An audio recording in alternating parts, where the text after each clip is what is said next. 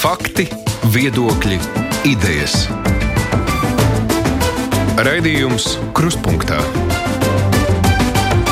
ar izpratni par būtisko.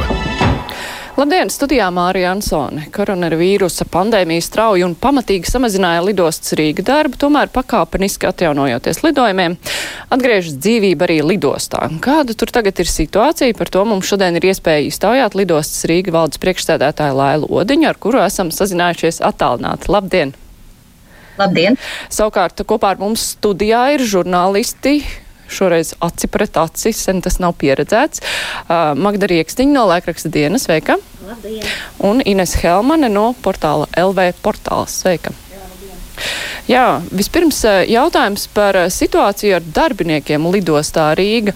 Bija ziņa par to, ka tiks atlaisti 509 darbinieki. Nodarbinātības valsts aģentūrā bija šis te pieprasījums iesniegts.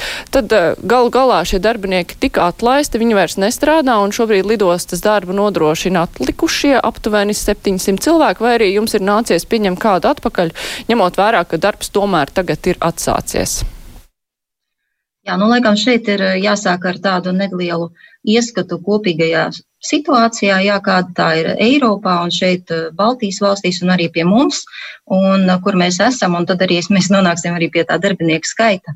Un šobrīd ir tā, ka pamazām atceļot ierobežojumus, sāk lēnām atjaunoties gaisa satiksme, un daudzas Eiropas eh, Savienības valsts atcēluši pilnībā ierobežojumus ceļošanai starp Eiropas Savienības valstīm un vēl cits plānotu izdarīt tuvākajā laikā. Un kopīgais pasažieru samazinājums Eiropā uz šo brīdi ir nu, apmēram 96%. Uh, nedaudz labāka situācija ir, ir Ziemeļvalstīs un Baltijā, kur mēs esam apmēram par mīnus 93 un 94% salīdzinoši ar iepriekšējo gadu.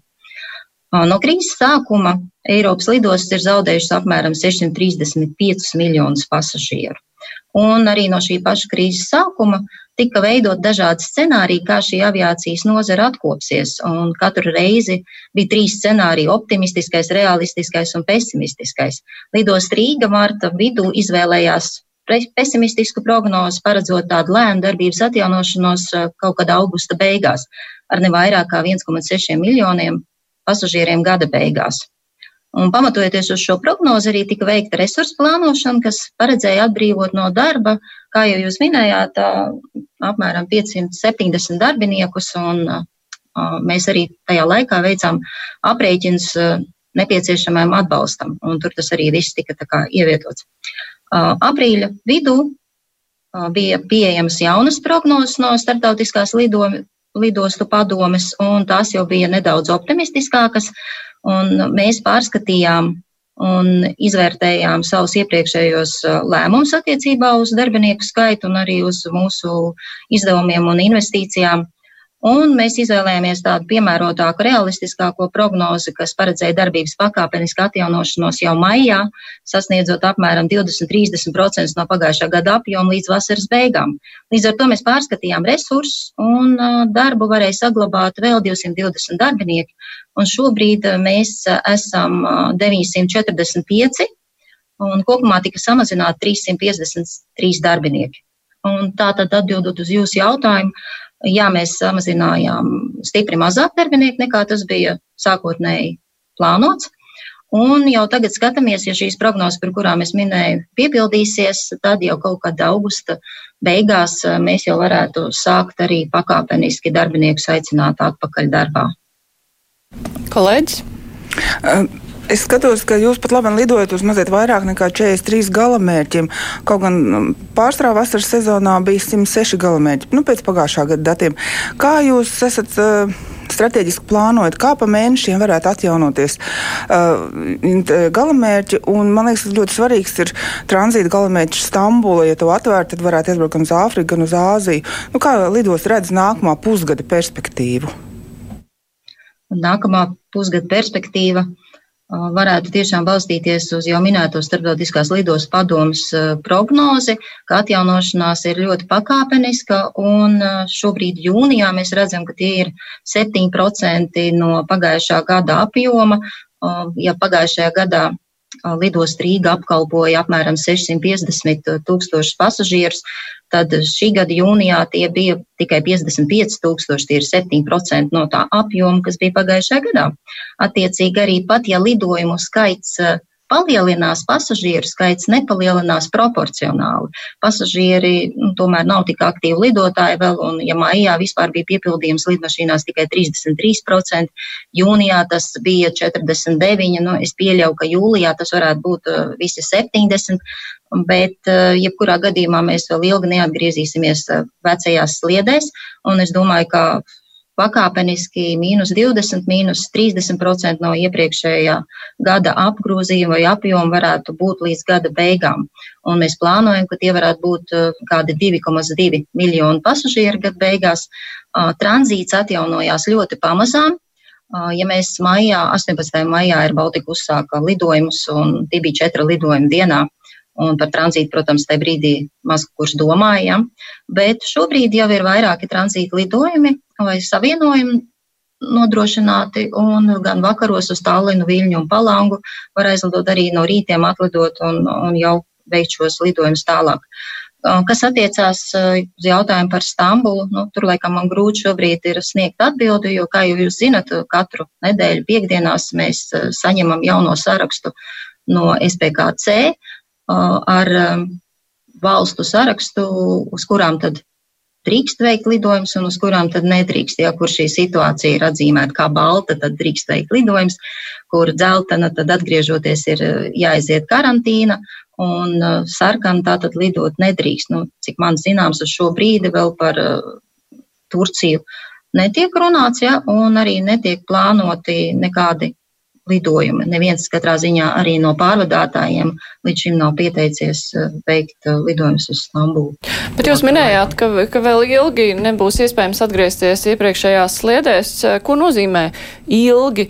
Un eh, vai, teiksim, tas, ka iespējams uzņēmumiem Nu, varbūt mainās arī pieeja par nepieciešamību, piemēram, braukt komandējumos. Nu, tagad arī saistībā ar pandēmiju daudz ir pārskatījuši veidu, kā strādā. Tur strādā attālināti, mazāk tur dodas uz ārzemēm. Eh, vai jums nav bažas, eh, nu, ka tas eh, ir tā kā uz pavisam ilgu laiku, nu, kad mainīsies pasaulē kaut kādas tradīcijas, tajā skaitā arī aviācijas izmantošanas tradīcijas?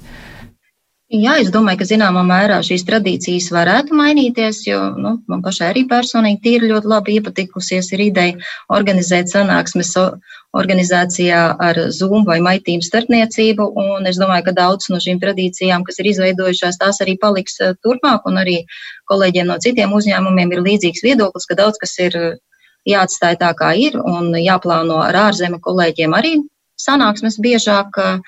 Uh, šajā tiešsaites vidē, bet eh, joprojām šo personīgo kontaktu jau neviens nav atcēlis. Un, un tik un tā cilvēkiem ir vēlme kontaktēties un uh, kaut vai roku paspiest. Un es ceru, ka tas brīdis drīz pienāks, ka to varēs atkal izdarīt bez bažām par, par veselību.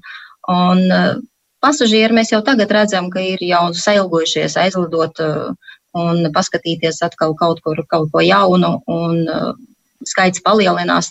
Es domāju, ka jā, mēs neatgriezīsimies eh, tik ātri vecajos apjomos, bet eh, līdz vasarai noteikti daudz kas varētu mainīties, un nākamā vasaras sezona, kas mums aviācijā sākās parasti eh, aprīlī, ja, es domāju, ka situācija jau būs daudz labāka, un arī šīs prognozes no starptautiskās lidostu padomes arī saka, ka patiesību sakot, tie varētu būt jau vairs tikai kādi 30% no iepriekšējā skaita.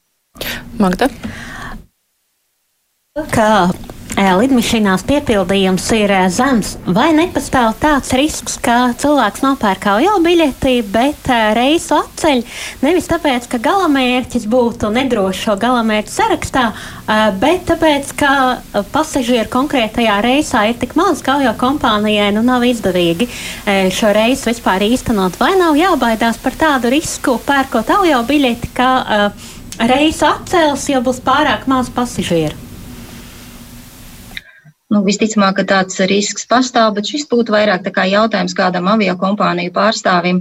Uh, man kā lidostas vadītājai nu, ir pieejams šis lidojuma saraksts katru dienu, un es redzu, kādu lidojumu tiek izpildīti. Nu, līdz šim mazu pasažieru skaita dēļ visi ieplānotie lidojumi ir tikuši izpildīti un nav bijuši atcelti. Ja? Vismaz nu, es nevienu piemēru šobrīd nezinu tādu lidojumu, kas ir ielikt sistēmā, kam ir rīt jābūt, un tad viņš ir atcelts, tāpēc, ka viņi nav. Es domāju, ka avio kompānija pārstāvi paši izvērtē šos riskus un tomēr to dara jau pietiekami saulaicīgi un informē pasažierus. Jā, klausītāji arī var iesaistīties uh, sarunām vai nu rakstot mums uh, vēstules uz adresi kruspunktā Latvijas radio.lv vai sūtiet ziņu, sūtot ziņu no mūsu mājaslapas, var arī zvanīt pa tālruņiem 6722 888 6722 5599. Mums jau ir atsūtīta vēstule, kāda lidostas darbiniece raksta, ka aizvakar darbā notika sapulcs ar pārstāvjiem no vadības, apspriežot darbinieku noslodzes palielināšanos. Jautājumā, vai mums atgriezīs piemaksas, kuras nogriez, kad sākās Covid-19 krīze. Tās veidoja 25% no algas. Vadība noraidīja mūsu lūgumu pēc tā, jo lidostai nav naudas. Kad prasījām, kur tad palika Eiropas un valsts dotā nauda, atbildēja, ka nav vēl un šobrīd tērē tikai rezerves. Un kā izrādās, avio kompānijas nemaksā šobrīd lidostai nekādus līdzekļus par sniegtiem pakalpojumiem. Ja agrāk avio kompānijām vajadzēja 90 dienu laikā to izdarīt, tad tagad lidost vienkārši gaidīs, kad kompānijas varēs atļauties samaksāt. Bet valsts tak iedeva Air Baltikam naudu, kādēļ kārtējo reizi pieļauj to, ka Air Baltica diktē noteikumus lidostas izcenojumos. Ja lidost aizies pa burbuli, tad arī Air Baltica vai arī Air Baltica cer, ka valsts, ja nu kas glābs to kompāniju. Kāda tur ir tā situācija? Jā, nu te tādas vairākas tēmas ir sajauktas vienā jautājumā. Es varbūt sākšu ar to vienkāršāko. Mm, laikam nav īsti korekti sniegt atbildi darbiniecei attiecībā par piemaksu atjaunošanu. No 1. jūlija mums ir atjaunotas darbiniekiem piemaksas 50% apmērā. Jā, un par pārējām Par pārējo daļu, jā, mēs lemsim vēl pēc kādiem mēnešiem, trim. Un, protams, daudz kas ir saistīts ar šo Eiropas komisijas lēmumu par valsts atbalstu. Ja šis lēmums būs pozitīvs, tad, protams, mēs varēsim atļauties vairāk, gan atjaunot piemaksas, gan, gan arī uzsākt kaut kādus jaunus investīcijas projektus, kas vēl nav izdarīti, gan arī daudz ko citu. Jā. Kas attiecās uz Air Baltica, nu, tas laikam ir jautājums avio kompānijai. Un mūsu lēmums, es ceru, ka būs līdz jūlija beigām pozitīvs no Eiropas komisijas. Bet tad viņi diktē noteikumus vai nediktē, kā tika pārmests vēstulē? Es nevarētu gan apstiprināt, ka ar Baltiku šobrīd diktē kādus noteikumus. Cita lieta, ka taisnība ir par to, ka avio kompānijas krīzes laikā, kad netika veikti lidojumi, neveica praktiski nekādus maksājumus. Ja? Un, protams, tas ir ietekmējis mūsu naudas plūsmu, jā, un zināmā mērā mēs dzīvojam uz rezervēm, bet te jāatzīmē, ka rezervas gada sākumā mums bija ļoti stipras. Ja? Mēs gadu uzsākām ar 29 miljoniem naudas atlikumu. Tātad papildus samazinot visas saimnieciskās darbības izmaksas un arī personāla mēs varam atļauties vēl kādu laiku gaidīt šo mm, Eiropas komisijas lēmumu un pilnvērtīgi turpināt savu saimniecisko darbību. Un, jā, protams, avio kompānijas mums ir parādā, ne visas, bet dažas ir, bet praktiski ar visām mēs esam noslēguši vienošanās, kuru līdz gada beigām šie parādi tiek dzēsti, un tagad atjaunojoties darbībai, mēs esam puslīdz iegājuši normālās sliedēs, un, Un es domāju, ka ar uh, naudas plūsmas atjaunošanos uh, mēs būsim atpakaļ uh, tādās vecajās, vecajā ierastajā kārtībā kaut kur no septembra, oktobra mēneša. Kolēģi? À, tā mums laikam ir problēma ar mikrofonu. Es atvainojos, es nesadzirdēju. Mm -hmm. Jā, diemžēl tavs mikrofons šobrīd neskan, tad varbūt es pāradresēšu pie Magdas, un tad eh, Ines tu turpinās. Ar ko pat labi ir jārēķinās pasažieriem, kur ierodās uz kādu lidojumu, cik lielā mērā lidosta tikai rekomendē, nu, piemēram, ievērojiet distanci, un eh, cik ir tādu jūsu darbinieku, kuri arī reāli sako tam līdzi, nu, piemēram, situācija, ka cilvēki sagaida savu bagāžu pie bagāžas lentām, eh, lai viņi tur nedrūzmētos, vai tas tiek kaut kā arī kontrolēts, vai jūs paļaujaties uz uh, pasažieru godprātu un uz tādu pašu cilvēku apzinīgumu un piesardzību? Mhm. Mēs aprīļa vidū, kad sākām gatavoties darbības atjaunošanai, izveidojām tādu lidostas epidemioloģiskās drošības programmu Neļauj vīrusam lidot. To mēs arī visur plaši reklamējām. Un tā paredzēja dažādas pasākumus gan darbinieku aizsardzībai, gan pasažieru aizsardzībai, un arī pielāgot šo infrastruktūru. Un, jā, protams, tas paredzēja šo distancēšanos, bet nu, mēs arī saprotam, ka lidosta ir tik liela, cik tā ir, un ne visur ir iespējams ievērot ne tikai divus metrus distanci, bet arī pat pusotra. Un, lai arī mēs uzlīmes visur salikām, tomēr mēs izlēmām, ka mums ir jānāk klajā ar prasību visiem pasažieriem arī valkāt maskas, un to pasažieri arī dara. Jau ienākot eh, lidos terminālī, viņiem ir jābūt eh, šajā maskā, un to pārbauda mūsu drošības eh, dienas darbinieks, ja, kurš stāv pie termināļa ieejas un pārbauda gan pasažieriem viņu iekāpšanas talonus, jo pārējos eh, sagaidītājus vai pavadītājus mēs terminālī nelaižam, un, un arī šiem pasažieriem jābūt maskā.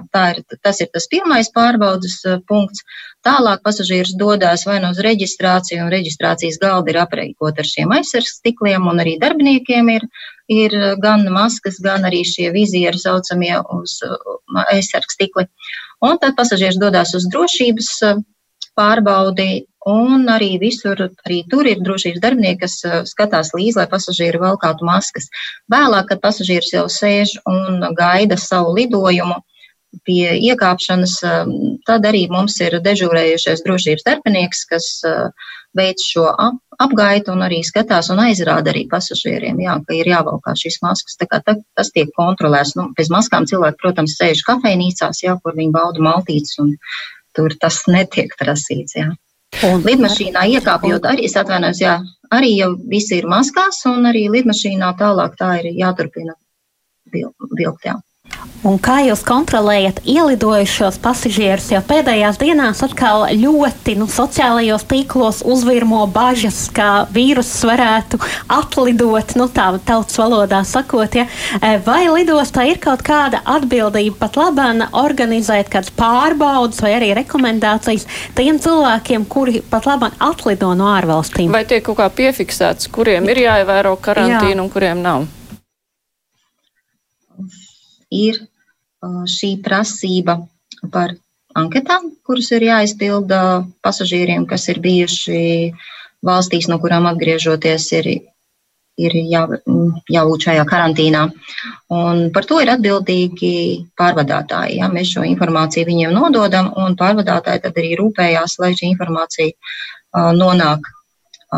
Pārsvarā to dara robežsarga, kas sagaida kas sagaida lidojumus un šīs anketas paņem, ja tādas, ja tādas tur ir. Lidostai atbildība nav.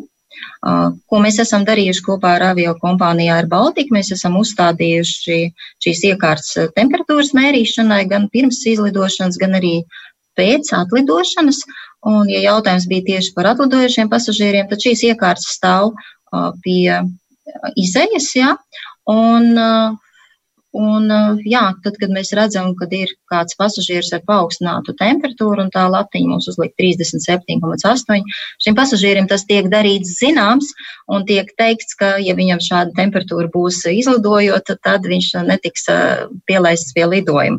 Vairāk arī nekas cits uh, mūsu rīcībā nav nekādu citu rīku, kā mēs varētu darboties. Ja. Citās lidostās ir ieviestas citas procedūras, citās lidostās ir obligātie šie Covid express testi.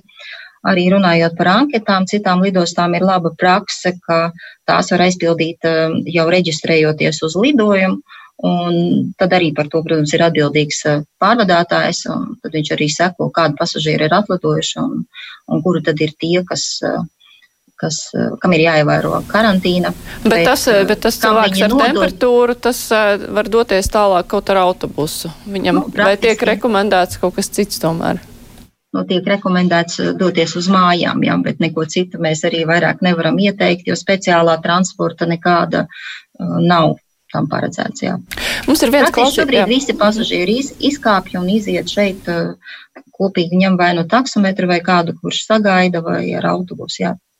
Jā, mums ir viens klausītājs zvans pēc tam Ines. Mm -hmm. Halo! Halo!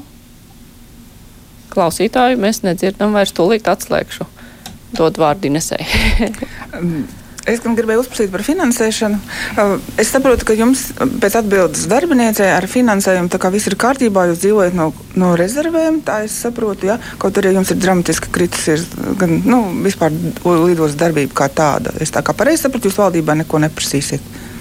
Nē, nē, nē, es tā ne, nevienā brīdī neteicu, ka mēs valdībai neprasīsim. Mēs jau esam paprasījuši un jau esam saņēmuši no ministru kabineta šo atbalstu. Jā, un tas bija, ja nemaldos, 23. aprīlī.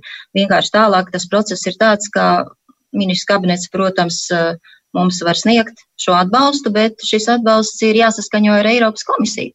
Un tas jau ir nedaudz uh, cits process, ja, tas ir tāds ilgstošāks process, uh, kur ir uh, jāizskata jautājums detalizētāk, ja, kurā brīdī tad cik mēs ņemam to naudu un, un varbūt iespējams, ka kaut kas no tā ir jādod vai varbūt viss ir jādod. Tā kā tas jautājums ir procesā un mēs gaidām no Eiropas komisijas pozitīvu lēmumu kaut kad jūlija beigās. Šī, šis atbalsts mums, protams, ir ļoti vajadzīgs, jo es minēju to pozitīvo faktu, ka mēs esam gadu sākuši labi, bet mēs esam apturējuši praktiski ļoti daudz uh, no saimnieciskās darbības izmaksām un arī personālu samazinājuši, un arī, kā jau jūs dzirdējāt, arī viņa atalgojuma daļa ir samazināta. Ja? Un tāpēc mēs ilgstoši tādā situācijā nemaz nevaram būt, jo investīcijas ir jāturpina, darbi ir uzsākti, un tieši šogad mums bija plānoti ļoti daudz darbi, gan kohēzijas projekti, gan kravas peronu izbūve un skrejceļu drošības joslu rekonstrukcija un bagāžas apkalpošanas infrastruktūras uzlabošana. Tie visi tie darbi, kas ir uh, normatīvo aktu īstenošana faktiski, un tie visi ir saistīti ar lidlauku un lidos infrastruktūras uzturēšanu. Tātad mēs nevaram atļauties šos darbus neveikt, un šis atbalsts mums ir vajadzīgs. Un es ceru, ka jūlija beigās uh, mēs šo jautājumu arī būsim sakārtojuši. Sakiet, lūdzu, cik lielu atbalstu jūs no valdības lūdzāt? Mēs lūdzām 54 miljoni, kas sastāvēja no 49 miljoniem plus, plus dividendžu maksājumu atstāt mūsu rīcībā, kas ir aptuveni 5 miljoni. Jā. Līdz ar to šis kopīgais atbalsts bija uz 54 miljoniem. Jā, tas bija tas, ko mēs prasījām, un to mums arī atbalstīja. Bet tur jau, protams, ir dažādas atrunas, ja, ka, ja mēs kaut ko neizmantojam, tad, protams, mēs arī visu nepaņemsim. Un, jā, tas šobrīd ir tāds tehnisks dabas jautājums, ko mēs risinām procesu, kā tas viss būs. Jā, vēlreiz mēģinām klausītāju pieslēgt. Halo! Halo! Klausītājs atkal nav dzirdams. Dod vārdu Magdai. Vēl runājot par darbiniekiem un atalgojumu, pagājušā gada rudenī bija tāda situācija, ka pie drošības kontrolēm bija milzīgas rindas, un tajā brīdī jau arī tika aktualizēts jautājums par darbinieku noslodzi, par atalgojumu politiku. Vai tagad kāda lidosta ir samazinājusi darbinieku skaitu, bet aujo lidojumu skaits tagad pakāpeniski pieaug, nevar atkal parādīties tādi riski, ka pasažieriem ir jāgaida ļoti ilgā rindā pie drošības drošības kontrols. Un nu, atkal, teiksim, parādās tādas uh, servisa problēmas, kādas jau bija uh, iepriekš lidostā laika pa laikam. Jā, protams, lidostai strauji attīstoties iepriekšējos gados bija gan kapacitātes problēmas, gan arī resursu problēmas vērojams tieši tāpat kā visā Latvijā nebija pieejams darba spēks vajadzīgā daudzumā, un iespējams, ka bija arī brīži, kad vajadzīgo cilvēku skaitu nevarēja nokomplektēt, bet tas noteikti neatiecās uz uh, šo pieminēto gadījumu, ja, jo, uh, jā, mēs zinām, bija šī situācija oktobra sākumā, kad izveidojušās bija lielas rindas, jo bija daudz darbinieku devušies uh, vienlaicīgi uz slimības lapām, nebija arī varbūt īsti koordinēta arī atvaļinājuma iešana. Pēc šī notikuma bija izveidota tā kā darba grupa, kas izmeklēja šo konkrēto gadījumu divu dienu garumā. Un arī tika veikti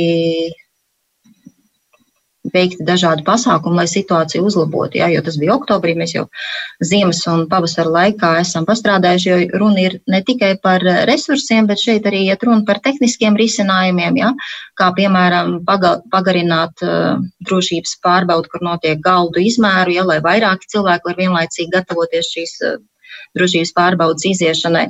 Un tādā veidā pārskatīti visi procesi, arī organizācijas struktūra dro, aviācijas drošības departamentā. Ja, mēs plānojam arī kā, centralizēt plānošanu, tā lai cilvēki var viens otru vairāk aizvietot. Es teiktu, tā tas bija vairāk tāds eh, varbūt eh, jautājums par to, kā tiek organizēts darbs eh, departamenta vidū vai iekšienē.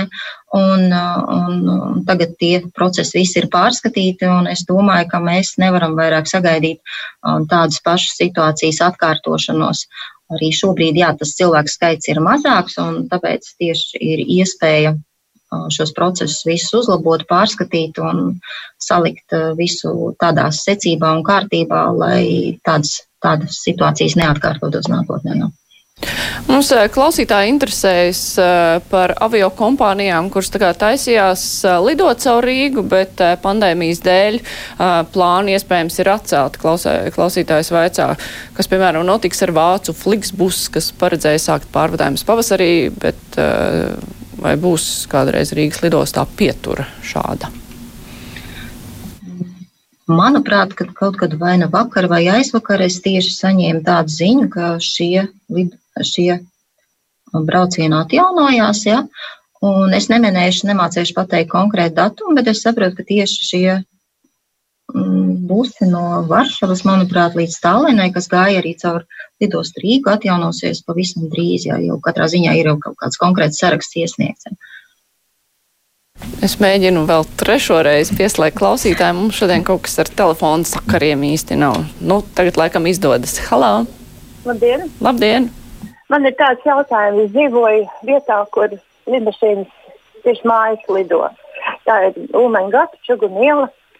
Un kaut kas krīt uz kaulas, tā kā nesadegīs degvielu, tā kā sēkļi, veļi ir sabojāti. Varbūt varat atbildēt šo jautājumu, kāpēc? Varat Jā, nu, lai atbildētu uz šo Lai atbildētu uz šo jautājumu, man laikam vajag vairāk informāciju, kurā konkrētā dienā, cikos un, un, un kā varbūt es varētu ieteikt klausītāji uzrakstīt mums tad oficiālu vēstuli ar šo problēmu, un tad mēs arī varētu veikt kādu izmeklēšanu. Kolēģi? Tagad man mazliet nu, jautājums par citu tēmu. Šobrīd aktuāli apspriež konceptuālo ziņojumu par valsts kapitāla sabiedrību pārvaldību. To koncentrēt zem vienas iestādes, tā kā viena pārvaldītāja. Tagad ir 12 dažādi pārvaldītāji valsts kapitāla sabiedrībām, piemēram, lidostē Rīgā, tā ir satiksmes ministrija. Kā jūs uzskatāt, vai vajadzētu atstāt līdzinējo sistēmu pārvald, valsts kapitāla sabiedrību pārvaldībai, jeb vajadzētu tomēr centralizēt pārvaldītāju vienu? Jā, nu sarežģīti laikam atbildēt uz šo jautājumu, jo nav pārāk daudz informācijas par to, kā tad šī centralizētā struktūra varētu izskatīties, kas to varētu vadīt, kādi speciāli, speciālisti tur varētu būt un kāda būtu tā organizācija, struktūra tieši šajā jaunajā veidā. Kas, mēs esam saņēmuši vēstules gan no darba konfederācijas, gan arī no satiksmes ministrijas, lūdzot izteikt mūsu viedokli šajā jautājumā. Nu, kā jau minēju, pārāk maz ir informācijas par to, kā tas varētu izskatīties nākotnē, lai sniegtu tādu konkrētu atbildi. No vienas puses mēs saprotam, ka satiksmes ministrijā tiek veidot šī aviācijas politika un izņemt vienu, vienu uzņēmumu, kas ir lidostu Rīgu un pārvietot kaut kur citur, tas neizklausās varbūt pārāk loģiski, bet tai pašā laikā iespējams, ka šajā jaunajā organizācijā būs viss tā norganizēts, ka mēs neizjūtīsim problēmas ar vienotas politikas izstrādi aviācijas jomā. Bet um, pretinieki šai, šim konceptuālam ziņojumam par vienu pārvaldītāju min, ka tā ir slēpta strateģisko uzņēmumu privatizācija. Runāt jau par 10, 15% vai 20, 25%. Principā jūs esat arī neprivatizējumu uzņēmumu sarakstā kā strateģiski svarīgs uzņēmums. Vai jūs redzat, piemēram, ka šajos apstākļos tomēr lidostā Rīga vajadzētu, nu, vajadzētu viņu kotēt biržā kaut kādu daļu akciju, ja tomēr nē? Tas noteikti ir uh, jautājums, ko varētu izskatīt, ja tas tiktu pacelts dienas kārtībā, bet līdz šim šāds jautājums nav diskutēts nekur, un es arī neko neesmu dzirdējis par kādiem slēptiem mērķiem, jo līdz manim šāda informācija nav nonākusi. Viens zvans klausītājs zvana. Halo! Labdien! Labdien! Sakiet, lūdzu, vai tomēr nav domāts jautājums par transporta atrisināšanu tiem cilvēkiem, kam ielidojot konstatēja temperatūru un kopā ar satiksmes ministriju, nezinu, veselības ministriju rast veidu, kā viņus nogādāt mājās, lai izvairītos no iespējām kaut kādu otrā viļņa. Es domāju, tas būtu ilgtermiņā ekonomiski izdevīgāk izdalīt kaut kādu transportu. Paldies!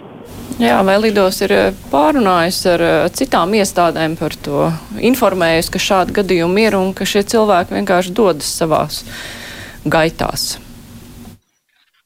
Es domāju, ka pat cik no šīs nedēļas sākuma uh, ir atjaunoti lidojumi no Lielbritānijas, un kur varbūt ir šī, šī valsts ir tieši tajā sarakstā, kur ir jāiziet šīs 14 dienas pašizolācijas Iespējams, ka šādai sarunai ir jābūt, ja, un jā, mēs varētu arī rosināt satikties veselības ministrijas pārstāvis kopā ar SPKC un varbūt šo jautājumu apspriest. Līdz šim nav bijis tas dienas kārtībā. Ne.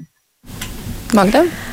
Un sakiet, vai šajā situācijā, kad, kā jūs nu pat minējāt, atjaunojas lidojumi, piemēram, no Lielbritānijas, e, jums kā darba devējai nav bažas par savu lidostas darbinieku drošību un e, nu, tādā veselības aspektā, un vai no darbinieku puses arī nav bažas e, par viņu drošību? Jo es atceros šajā, kad martā, ja tādās neformālās sarunās jau bija diezgan liels bažas tiem cilvēkiem, kur strādā tieši šajā drošības kontrolē, nu, kur tomēr sanāk sastapties ar pasažieriem cilvēkiem. Nu, vai tur arī nav jādomā par kaut kādām īpašām veselības pārbaudēm, konsultācijām, nu, lai šos cilvēkus, kur lidostā strādā, nepakļautu kādām īpašām riskām, nu, no kāda varbūt liela daļa sabiedrības ir pasargāta?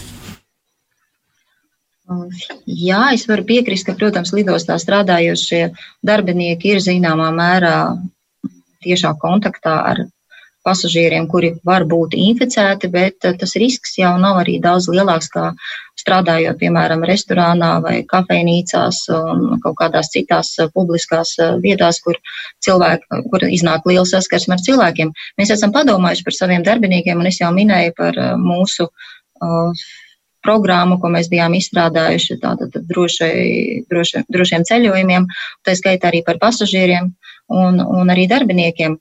Vēl varētu teikt, ka izņemot to, ka viņiem ir šie aizsardz līdzekļi pieejami un personīgās higienas līdzekļi, tad viņi arī uh, tiek plānoti, teiksim, maiņās, kur nu, ne tā kā tas bija iepriekš, ja mēs esam ieplānojuši nelielu rezervu darbiniekiem.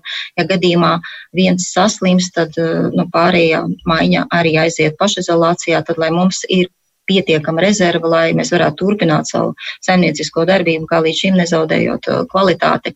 Tāpēc mēs esam it kā apskatījušies uh, dažādas jomas, gan plānošanu, gan arī personīgos aizsardz līdzekļus. Un, un jau tas pats fakts, ka šeit netiek uh, lidostā vai terminālī ielaisti cilvēki, kas nav tikai pasažieri. Tas arī liecina par to, ka mēs esam padomājuši tā, lai pēc iespējas minimizētu šos riskus un mūsu darbinieki būtu pasargāti. Bet vai pie pirmajām saslimšanas pazīmēm katram tiek veikts uzreiz covid tests, vai cilvēks vienkārši iet mājās un slimo ar kaut ko un tad skatās? Mums ir, jā, mums šajā Covid perioda laikā ir bijuši vairāki gadījumi, kad ir darbiniekiem bijušas aizdomas par uh, saslimšanu ar Covid. Mēs esam centralizēti organizējuši, ka pie mums atbrauc uz šejienu un arī veic šīs Covid testu pārbaudas arī pārējiem kolēģiem, kas sēž kabinetā un ar kuriem šim darbiniekam bijusi saskarsme. Līdz šim mums nav bijis neviens saslimušais ar, ar Covid, bet šādas pārbaudas mēs esam organizējuši saviem darbiniekiem. Jā, un arī turpināsim to darīt. Arī, protams, palīdz tas, ka mums ir uzstādīti eh, šie uh, temperatūru mērīšanas aprīkojumi vairākās vietās. Tur mēs arī redzam, ja mums ir kāds darbinieks vai, piemēram, veikalu darbinieki, kas šobrīd strādā jau tur duty free zonā. Ja viņiem ir temperatūra, tad mēs arī viņiem par to darām zinām. Un sūtat mājās, cerams. Jā, jā. Tas ir bijis gan arī vairākas reizes jau. Jā, jā nu viens klausītājs zvans. Halo! Jā, labdien! Labdien! Es gribēju pajautāt, jums mazmeita dzīvo Londonā, viņai bija martā nopirkt biļetu uz Rīgu. Vai tagad viņa var lidot un viņai nepieciešams meklēt karantīnu Rīgā vietu, kur izolēties? Šīs divas nedēļas, un atpakaļ lidojot uz Londonu, viņai arī ir divas nedēļas karantīnā, meklējot vietu, kur izolēties. Tātad pa karantīnas laiku. Nu. Jā, nu šeit es varu tikai atsaukties atkal jau uz uh, to, ko teicu iepriekš, ka piekdienās tiek uh, aktualizēts šis saraksts ar valstīm, no kurām atlidojot uh, ir jāsēž karantīnā. Jā, tās joprojām ir 14 dienas. Un, ja runājam par marta biļeti, nu, to es nemācīšu teikt, tur jums jāgriežās pie tā pārvadātāja, pie kura tad šī biļete ir iegādāta, bet lidojumi ir atsākušies, un tagad praktiski katru dienu mums ir trīs lidojumi no Londonas, ja, tas ir ar Baltiku Vizēru un Rainēru izpild šos lidojumus, un jā, tiem cilvēkiem ir jābrauc, jāmeklē vieta, kur viņi var pavadīt šo laiku karantīnā. Ines. Iepriekšējā lidostas vadītāja pirms krīzes teica, ka Baltijas valstu tirgus lidostā Rīga jau kļūst par šauru un kā attīstības virziens ir izvēlēts, lai konkurētu plašākā arēnā un kļūtu par augošu aviācijas centru Ziemeļa Eiropā. Kā šādus plānus ir ietekmējusi krīze? Vai jūs pirms krīzi varētu izmantot, lai to tomēr turpinātu šādu attīstības virzienu, ja gluži otrādāk tas vairs nav iespējams? Nu es domāju, ka mēs noteikti gribētu šo šo attīstības virzienu turpināt. Un, ja runājam, kā krīze ir ietekmējusi, tad šobrīd situācija Baltijā ir ļoti līdzīga, jo nu, krīze mums ir līdzīgi gājusi un nākusi pāri. Un pasažieru skaits uh, ir mazāks gan Viļņā, gan Tallinā, salīdzinot ar iepriekšējiem gadiem, apmēram proporcionāli tāpat, kā tas ir Rīgas lidostā.